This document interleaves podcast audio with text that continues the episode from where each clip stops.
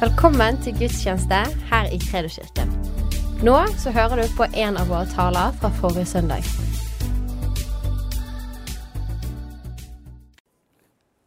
Palmesøndag Hvis vi går tilbake igjen til samtiden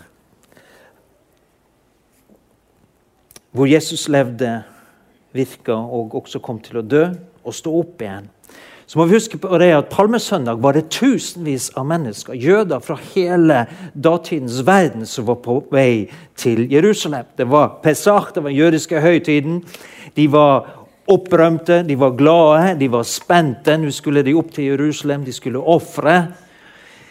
De skulle feire utgangen av Egypt. De var blitt satt fri fra slaveriet. Vi vet at mange kom veien over eh, Oljeberget. Og en by som heter Betfage. Når du kommer opp der, så kommer du opp på Åskammen, Oljeberget, og så ser du ned på Jerusalem og på tempelet.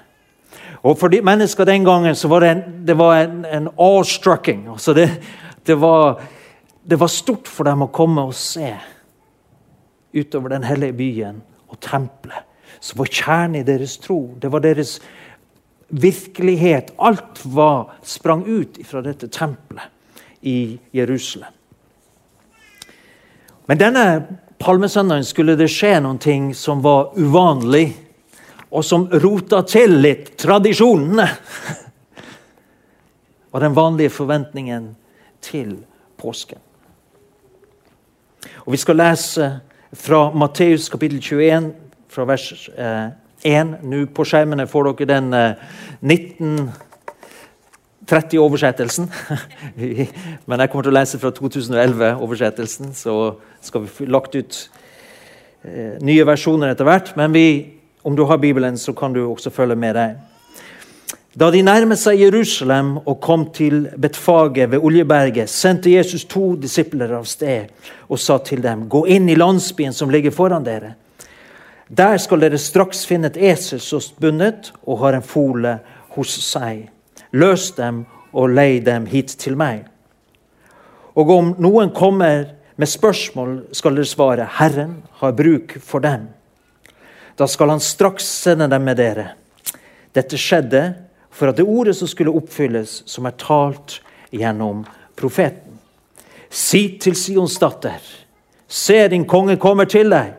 Ydmyk er han og rir på et esel og på trekkdyrets fole. Dette er henta fra Zakaria 9,9. Disiplene gikk av sted og gjorde som Jesus hadde sagt, og hentet eselet og folen. Så la de kappene sine på dem og han satte seg opp. I Lukas 19, samme historien, eh, Bibelen, Guds ord, sier det at de hjalp Jesus opp på folen. Og Vi vet også at det var ingen andre som hadde ridd denne folen. Det står også i Johannes 12. står det mange i folkemengden bredte kappene sine ut over veien, og andre skar greiner av trærne. Vi vet fra Johannes at dette var palmegrener. Og de strødde på veien. Og mengden som gikk foran, og de som fulgte etter, ropte Hosianna, Davids sønn! Velsignet er Han som kommer i Herrens navn. Hosianna i det høyeste. Hosianna, altså velsignet, eller frels oss. Hjelp oss velsignet. Så det, det, er både en bønn og en tilbedelse i Hosianna. Dette var også noe jødene pleide å synge på denne dagen. I pilegrimsferden til Jerusalem. Det finner vi fra Salme 118, bl.a. fra vers 26. Så sang de Velsignet være Han som kommer i Herrens navn! Og Da sto de som allerede var kommet til Jerusalem, de sto i porten og de sto på muren, og de hilste pilegrimene som kom nedover dalen.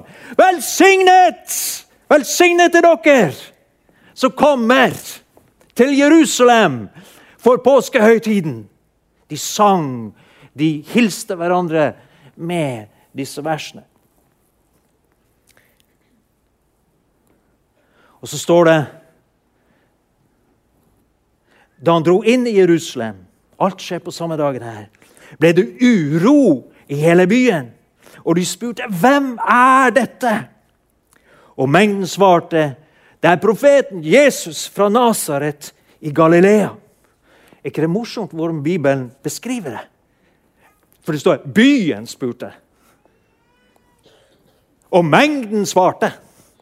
Så det, det, betyr, det var en voldsom tumult, og alle hadde spørsmål.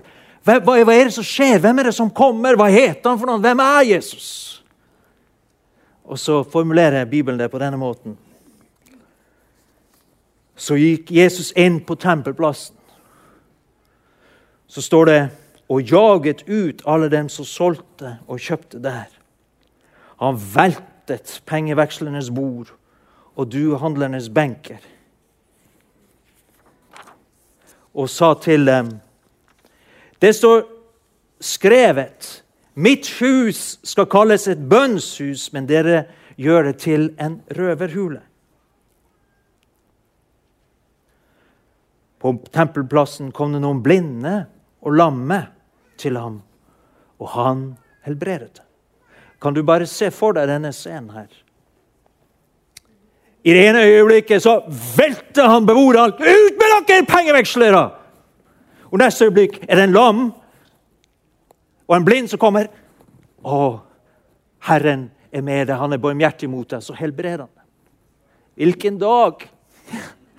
Hvilken action! Oi, oi, oi. Det var stort spenn i Jesus sitt følelsesliv og hva han måtte gjøre. Og så, men da overstepresten og de skriftlærde så undrende han gjorde, og hørte barna som ropte i helligdommen, 'Hosianna, Davids sønn!' ble de forarget og spurte ham, 'Hører du hva de sier?' Ja, svarte Jesus. Har dere aldri lest? Fra småbarns og spedbarns munn har du latt lovsang lyde. Så forlot han dem og gikk ut av byen til Betania. Der ble han natten over. Og Vi ser også i Lukas' versjon at eh, fariseerne sa til Jesus du må, du må slutte, du må få disse disiplene dine til å tie stilt. Vær stille. Og Jesus svarer om, ikke de synger og priser Gud, så kommer steinene til å gjøre det. Men tenk hvilke ulike mennesker som opplever denne dagen, og hvordan de reagerer forskjellig. Og hvordan Jesus forholder seg til alle disse. De disiplene som Jesus hadde med seg Husk på det at nå har det gått tre, tre og et halvt år. De nærmeste disiplene hadde sett så mye, de hadde hørt så mye, men de kjente på en det står i en plass at de var redde nå når de har begynt å bevege seg mot Jerusalem. Fordi de skjønte at noe kommer til å skje.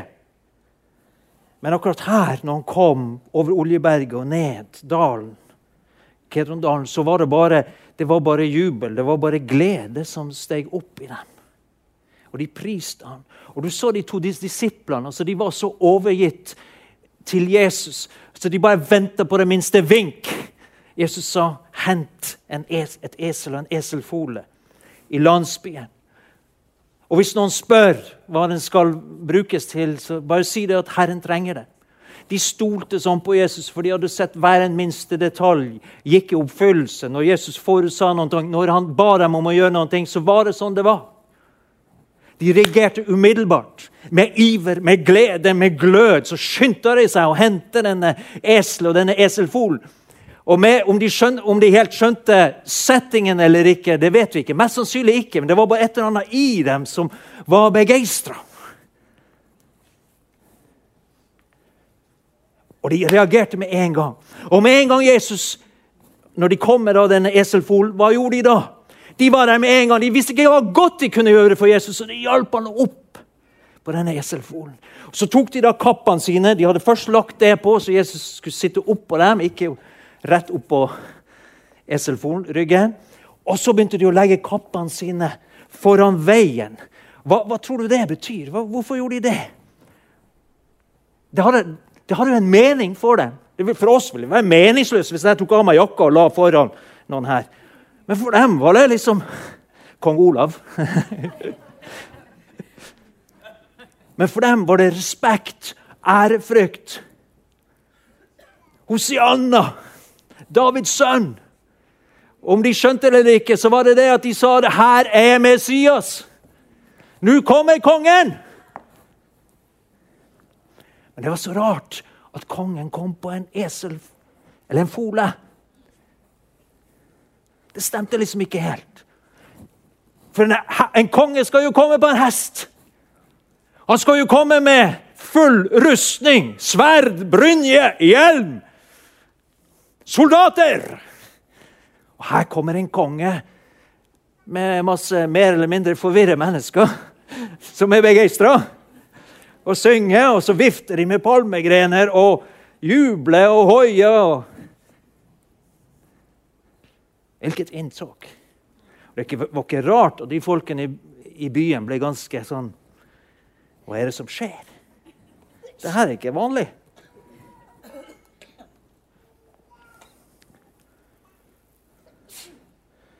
Men disiplene, du ser hvor overgitte de var. De hadde ikke opplevd én gang at Jesus hadde svikta dem.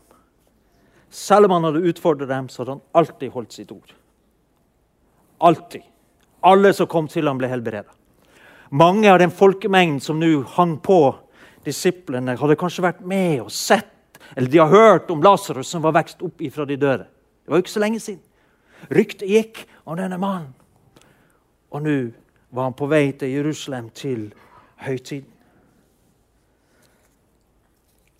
Så, men så ser vi da denne folkemengden. Hvem var de?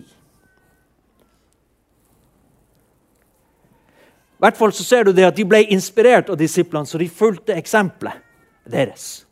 De ble tatt av dragsuget, for å si det sånn. De tok av seg kappene, de skar også palmegrener, og de var med på sangen. Det var gøy! Hallelujastemning var det. Det var spennende. Det var røyk, det var lys, det var god kaffe. Det var stemning i Guds menighet! Og de var der fordi at det skjedde noen ting. De var der det liksom var litt action. Men spørsmålet er skjønte de helt hva som pågikk. I hvert fall var de med. De var med.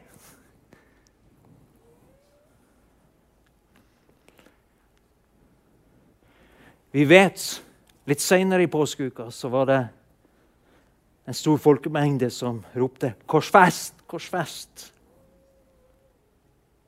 Så de var nok lett påvirkelige. Vi vet ikke hvor mange i de som hadde ropt Hosianna, som også ropte 'Korsfest, korsfest', men sannsynligvis var det en god del av dem som ble dratt med i dragsuget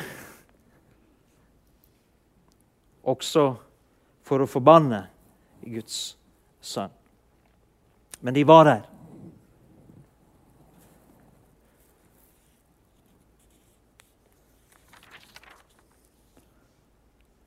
Spørsmålet er Var det medgangssupportere? Eller var det mennesker som virkelig trodde på Jesus og kom til å bli eller var ekte disipler av Jesus. Min tanke det var sikkert en blanding. Sikkert en god blanding.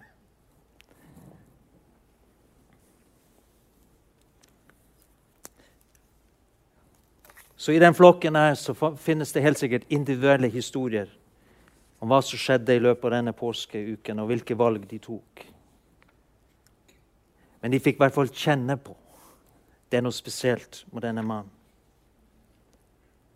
Hvem var nå folket i denne, hele denne byen? Jeg tenker på Det var kanskje mennesker i Bergen. Gode bergensere. De går på jobben sin, de betaler skatten sin, de går på brannkamp. De drar på hytta i påsken. Men så vil helst ikke at noe skal forstyrre livet. Vi har det bra, vi har det koselig, vi har det greit. Vi bor i et godt land. Og så kommer det noen og forstyrrer livene våre her. Hvem er nå han herre som kommer? Og mange av disse som bodde i byen, de eh, var fra Jerusalem. De hadde kanskje hørt om en, et eller annet som skjedde i Galilea, men det var langt borte. Så de hadde ikke noe, nødvendigvis noe personlig forhold til Jesus. De, de, de hadde det travelt under påskehøytiden. De, de leide jo ut et rom i huset, de tjente jo penger på høytiden. Innbyggere i Jerusalem, Airbnb. Ikke sant? Gode tider.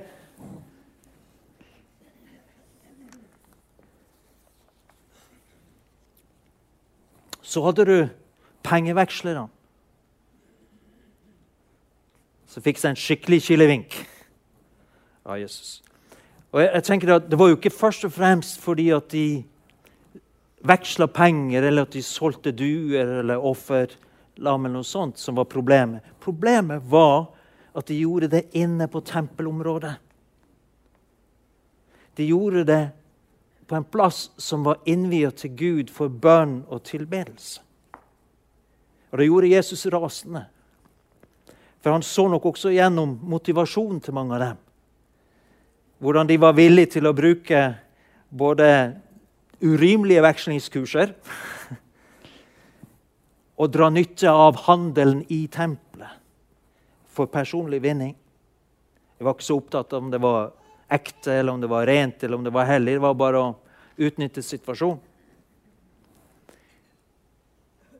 Så i seg sjøl var det nødvendig å ha pengeveksler. og det var nødvendig, For mange kom jo veldig langt borte fra, og de kunne ikke ta med egne dyr. Og det var naturlig at de måtte kjøpe det i Jerusalem. Eh, mange av de bodde i nasjoner eller områder som hadde andre myntenheter. De trengte å veksle lokal valuta, så de kunne kjøpe offerdyr osv. Så, videre. så alt det der var greit. Handel var nødvendig. Men det var feil plass, feil sted, feil tid.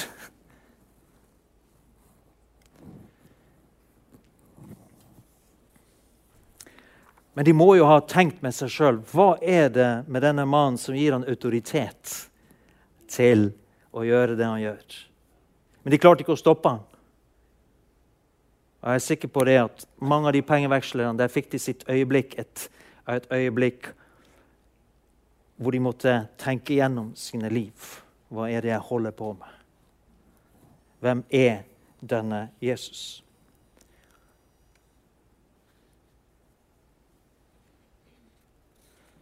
Så syns jeg det er fantastisk å se at midt i alt dette her så kommer de blinde og de lamme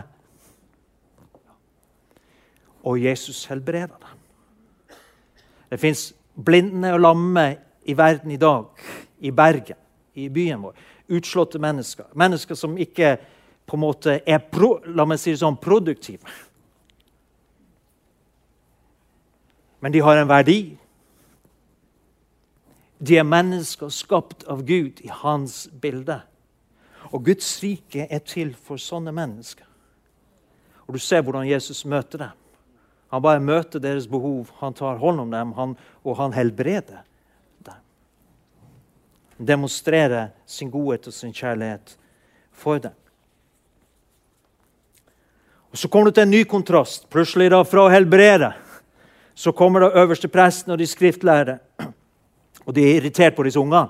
Hva gjør nå disse ungene i kirken? For det første så griser de. Og for det andre så lager de bråk. Og så gjør de ikke alltid det som vi sier. Hæ? Eller det var sikkert barn som vanligvis pleide å løpe rundt i tempelet.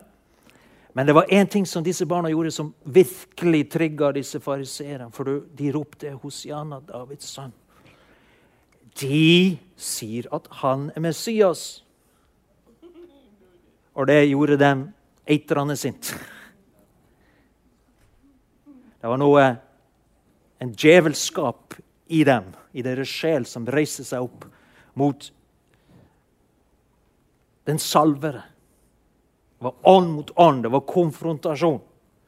Barna elsker det. Det var den mest naturlige ting for dem å bare synge og glede seg og lovprise og klappe og hoppe og juble. Det var nedlagt i dem. Guds rike tilhører barna. Det er den største selvfølge for dem. Vi hadde sånn skolegudstjeneste her på, på fredag. Og det var fantastisk å se så mange barn som sang av hjertens fryd.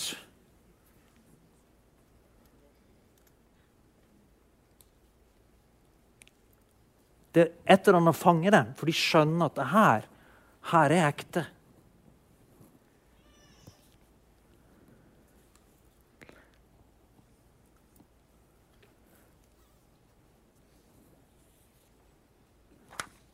Hva var det med disse fariseerne? Hvorfor var de så hardhjerta? Hvorfor var de så kyniske? De så jo til og med at Jesus helbreda. Men vet du hva? Jeg tror Jesus også ga dem en mulighet til å omvende seg. Han satte dem på plass. Han refererte til Skriften, han siterte Salme 8. Dette burde jo disse skriftlærde vite om. Han ga dem Guds ord. Skjerp dere! Dere er Guds menn som skal være, representere meg blant folket her. Men de skulle også få sjansen til omvendelse og tilgivelse og et nytt liv.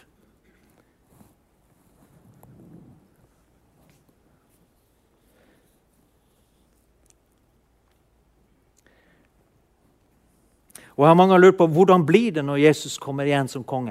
For når han kom denne gangen, så var det nåde det var tider for valg. Det var tider for å bli kjent med Messias. Jesus visste jo at han skulle på korset. Han visste at han skulle dø, han visste at han skulle i graven. Han visste at han skulle stå opp igjen for alle disse menneskene. Og Det ser vi. Det er fantastisk å se på, på pinsedag, når Peter forkynner til eh, Jerusalems befolkning. På pinsedagen så sier han dere som korsfestet Messias. Han døde for deres synder. Han sto opp igjen ifra de døde. Nå må dere omvende dere! Var omtrent det han sa. Så står det at det stakk dem i hjertet. Spurte Peter, hva skal vi gjøre? Så. Omvend dere og la dere døpe. Mange av de som hadde vært med å rope 'korsfest, korsfest', som kanskje hadde stilt mange spørsmål med ham på, på, eh, på Palmesøndag, det som vi beskriver her, ble med i Guds rike. De ble troende. De ble med i Guds menighet når verket var fullført. Men jeg kjenner også på det at vi må være klare, for Jesus kommer igjen. Første gangen kom han som konge på en eselfole, men nå kommer han igjen en dag. Han kommer på en hvit hest. Det kommer til å gå et sverd ut av hans munn. Men, skal, men, i den tilbakekomsten så skal det skje noe også. Så skal vi lese Matteus 24, fra 29 til 36. Så snart denne trengselstiden er over Da hadde Jesus beskrevet hva som skal skje i de siste tider. Skal solen bli formørket og månen miste sitt lys, Stjerner skal falle ned fra himmelen, og himmelens krefter skal rokkes. Da skal menneskesønnens tegn vise seg på himmelen. Så skal alle folkeslag på jorden bryte ut i klagerop. Og de skal se menneskesønnen komme på himmelens skyer med stor makt og herlighet. Når basun lyder, skal han sende ut sine engler, og de skal samle hans utvalgte, står det. Fra de fire verdenshjørner, fra den ene enden av himmelen til den andre.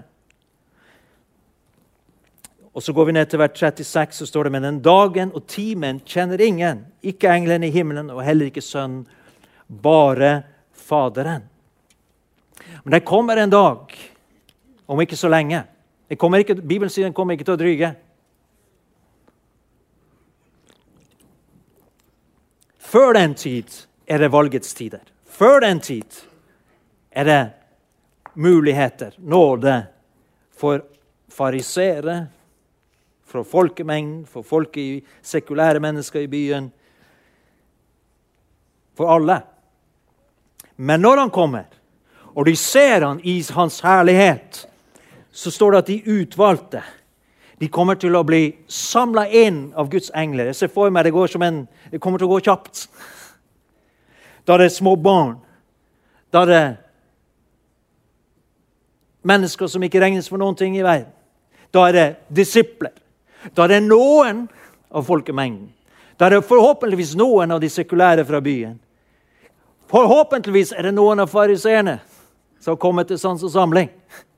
Forhåpentligvis er det noen av disse korrupte pengevekslerne som har omvendt seg og kommet til tro. Men når de ser han i hans herlighet, så kommer de til å få sjokk. Da er det ikke valg lenger. Da er det de som har tatt valget, de som har gitt sitt liv til Jesus, som blir tatt med, som blir samla av Herrens engler til Han. Hvis du leser Johannes' åpenbaringen 19, for eksempel, så ser du at da, etter dette, kommer Jesus til å ta en konfrontasjon med nasjonene. Med all ondskapen. Det går et sverd ut av hans munn. De kommer til å bli drept. Mange, står det. Da kommer dom over denne verdens nasjon.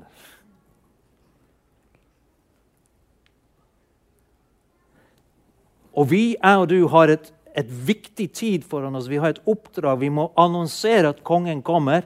Vi må forberede folk på at han kommer.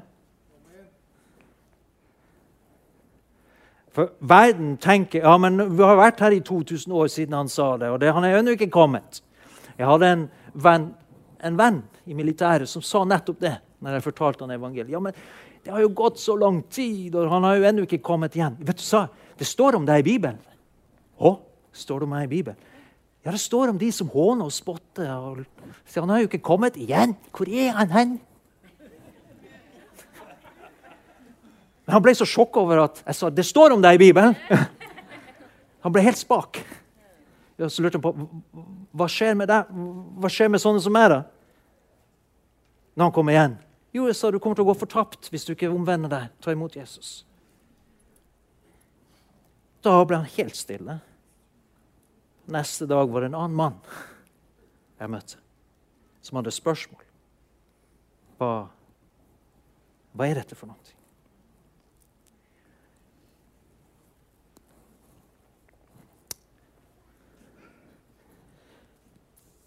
Så jeg håper at vi alle sammen kan trenge La oss, la, la oss være disipler av Jesus.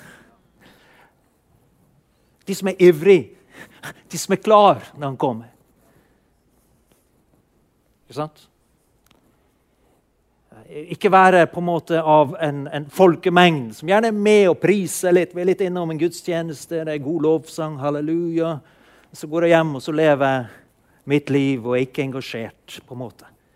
Bare sånn, Observere litt på avstand. Går det bra, da er jeg der. Går det vanskelig, går det dårlig, ja, da gjør jeg noe annet. Ikke sant?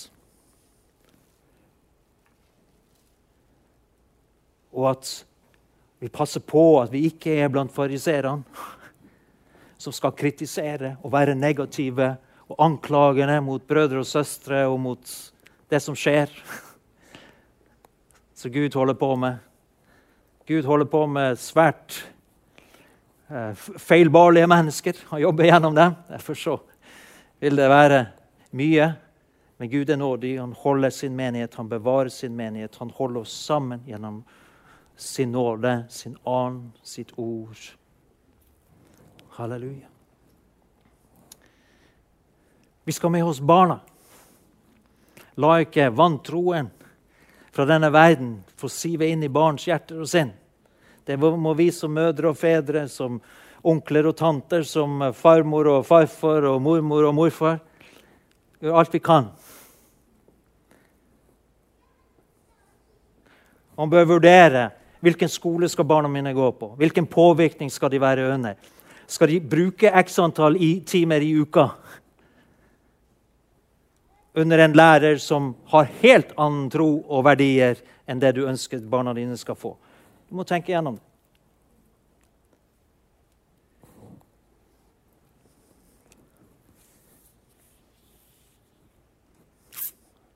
Amen. Yes.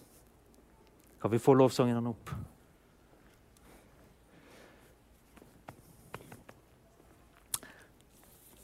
Amen. Og gi evangeliet til de som ikke kan gi noen ting tilbake. Amen. De som ikke har noen ting å gi tilbake, de bare, bare gi. Gi til dem. Gi til de fattige. Gi til de som ingenting er i menneskets øyne. De tilhører Guds rike. De, ta, de, skal bli tatt med når Jesus kommer igjen. Halleluja.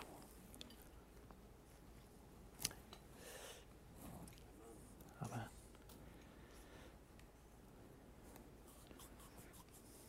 Jeg håper jeg ikke blir for streng her nå. Men jeg kjenner et alvor. Jeg gjør det. Og så Samtidig som det, det glede, og vi skal juble og vi skal, vi skal, ha det gøy. Og vi må ha det gøy. Amen. For det er gøy. Det er gøy å tjene Jesus, men det er også tøft iblant. Ikke sant? Det, for det innebærer konfrontasjon. Det innebærer at vi støter oss både her og der.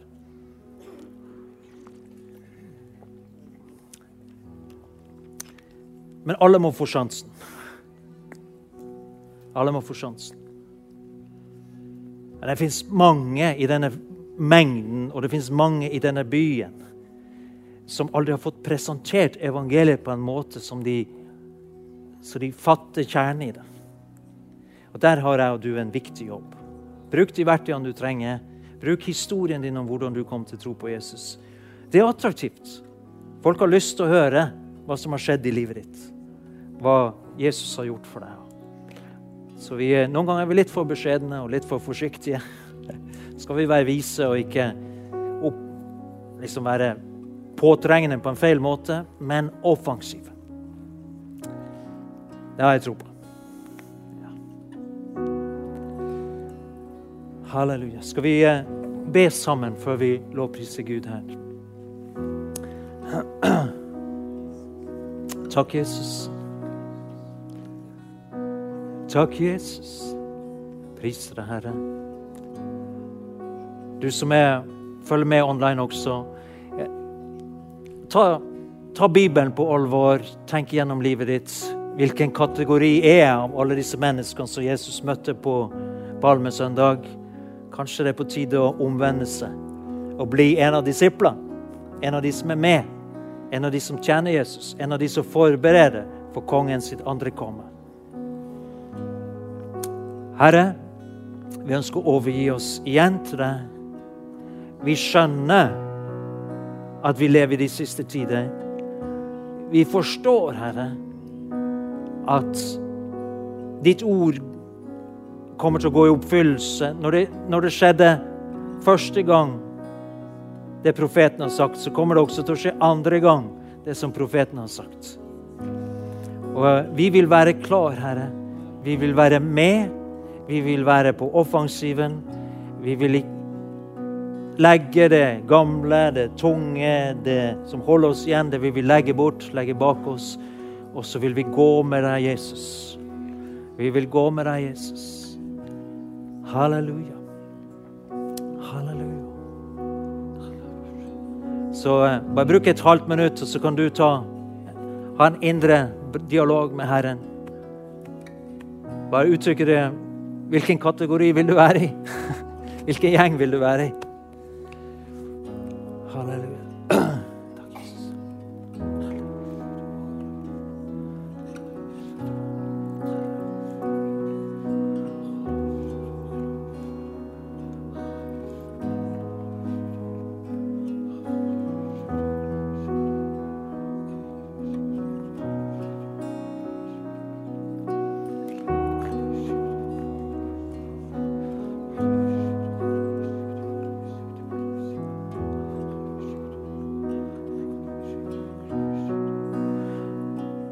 Far, vi ber også om at denne påska skal bli en, en, tid hvor vi kan få pleie vårt eget liv med deg.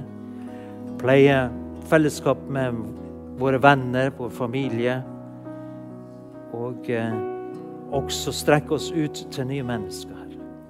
Jeg takker deg, her for at du leder hver enkelt av oss. du har forberedte gjerninger for denne påska, så vi kan gå inn i. Hjelp oss til å høre og se og handle på det vi, impulsene vi får. Takker Herre Jesus Kristus. Tusen takk for at du lyttet. Følg oss gjerne på Instagram og Facebook, og så snakkes vi neste uke.